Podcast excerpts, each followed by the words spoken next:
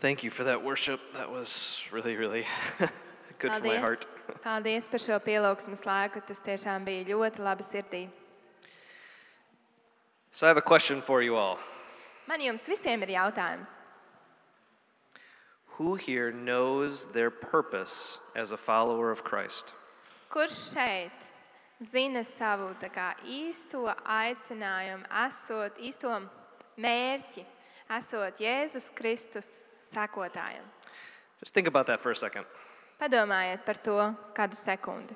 What is our purpose here? Kas ir tas mūsu mērķis šeit? So some might say the great commandment Daži varētu teikt, tas lielais aicinājums, that we are to love the Lord our God with all our heart and love our neighbor as ourselves. Ka mums jāmīl savus dievus ar visu savu sirdi un savus kaimiņus kā sevi pašu. And I would say that would be right. Un es teiktu, jā, tā ir pareizā atbilde. and you might also say that there is the Great Commission Un tad mēs varētu arī teikt, ka tas ir tas, kur Jēzus mūs sūta. that we are to go into the world and make disciples. Ka mums jāiet pasaulē un jādara cilvēkus par mācekļiem. And I would also say that is absolutely right. Un es arī tad teiktu, jā, tas ir pilnīgi pareizi. But have, have you ever thought about what your purpose is after you're done with your life here on earth? Bet vai jūs kādreiz domājat par to, kas ir tas jūsu mērķis, tad, kad jūsu dzīve šeit uz zemes būs beigusies?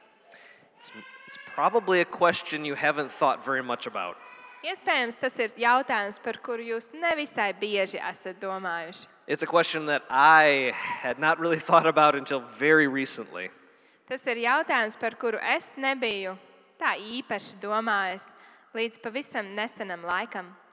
But the scripture that Chad read a little bit earlier uh, from Revelation Bet tad šī raksta vieta, kuru Čats uh, mazliet iepriekš lasīja no Jāņa atklāsmes grāmatas, describes that when we are in Christ and we are in heaven, we are with the Lord. apraksta to, kā tad, ja mēs esam kopā ar Kristu, mēs esam arī debesīs un kopā ar Dievu. That one of our purposes is that we will have perfect relationship with the Father.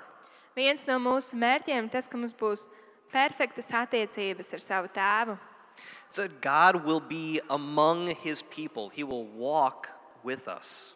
Dievs būs savu cilvēku vidū un viņš staigās mums līdzās. In the Old Testament, uh, God came uh, before Moses, Um, Vecajā darbā Dievs šādi nāk Mūzus priekšā. and he told Moses that I will come and I will meet with you, Un viņš saka, Mūzum, es nākšu un ar tevi satikšos. But you need to wait until I walk past you, Bet uh, tev jāgaida, kamēr es paiešu tev garām. because if you see me, you will die. Tāpēc, ka, ja tu man ieskatīsies sejā, tu mirsi. So it wouldn't work if God came like that today. Tad tas nestrādātu, ja Dievs šodien nostātos We mūsu would vidū. all die. Mēs visi būtu nomiruši. But one day, we will be walking among God. He will be right next to us. Bet vienu dienu mēs staigāsim Dievam līdzās, un Viņš būs mums tieši blakus. Does that make you excited? Vai tas jūsos rada priecīgu satraukumu? Does it rise something in you? Vai tas jums liek tā kā pacelties spārnos?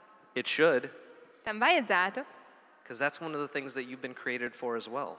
tāpēc ka tā ir viena no lietām, kam jūs esat radīti. That is also one of our purposes here on the a- as believers as we prepare to our, for our life to come. Mums, kā ticīgai, ticīgajiem, tas ir viens no mūsu mērķiem, mums gatavojoties tai nākošajai dzīvei. There's one more thing I see in Scripture. Ir vēl kāda lieta, ko es redzu rakstos. It's actually probably a lot, but one more I want to focus on. Patiesībā ir diezgan daudz tādu lietu, bet viena, uz kuru es vēlos koncentrēties. And that's from Romans 8 19 through 23. Un tas ir no Pāvila vēstules romiešiem 8. nodaļas.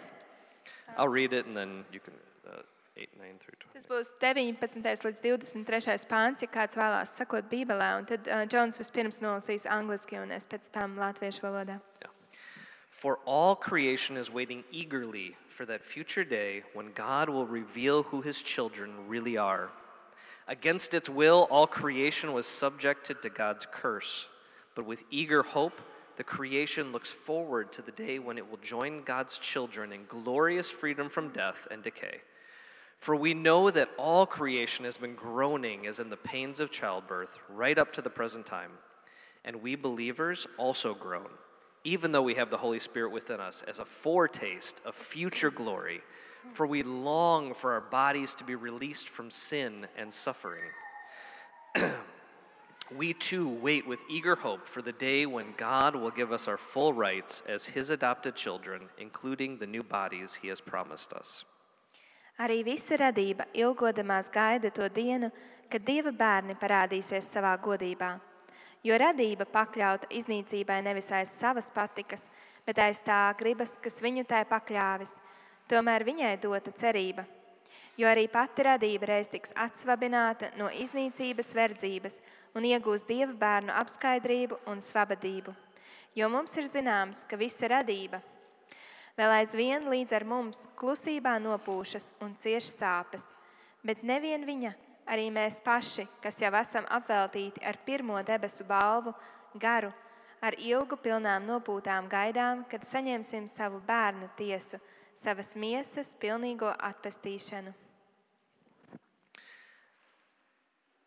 So there'll be a new heaven, there'll be a new earth. Tad būs jaunas debesis un jauna zeme.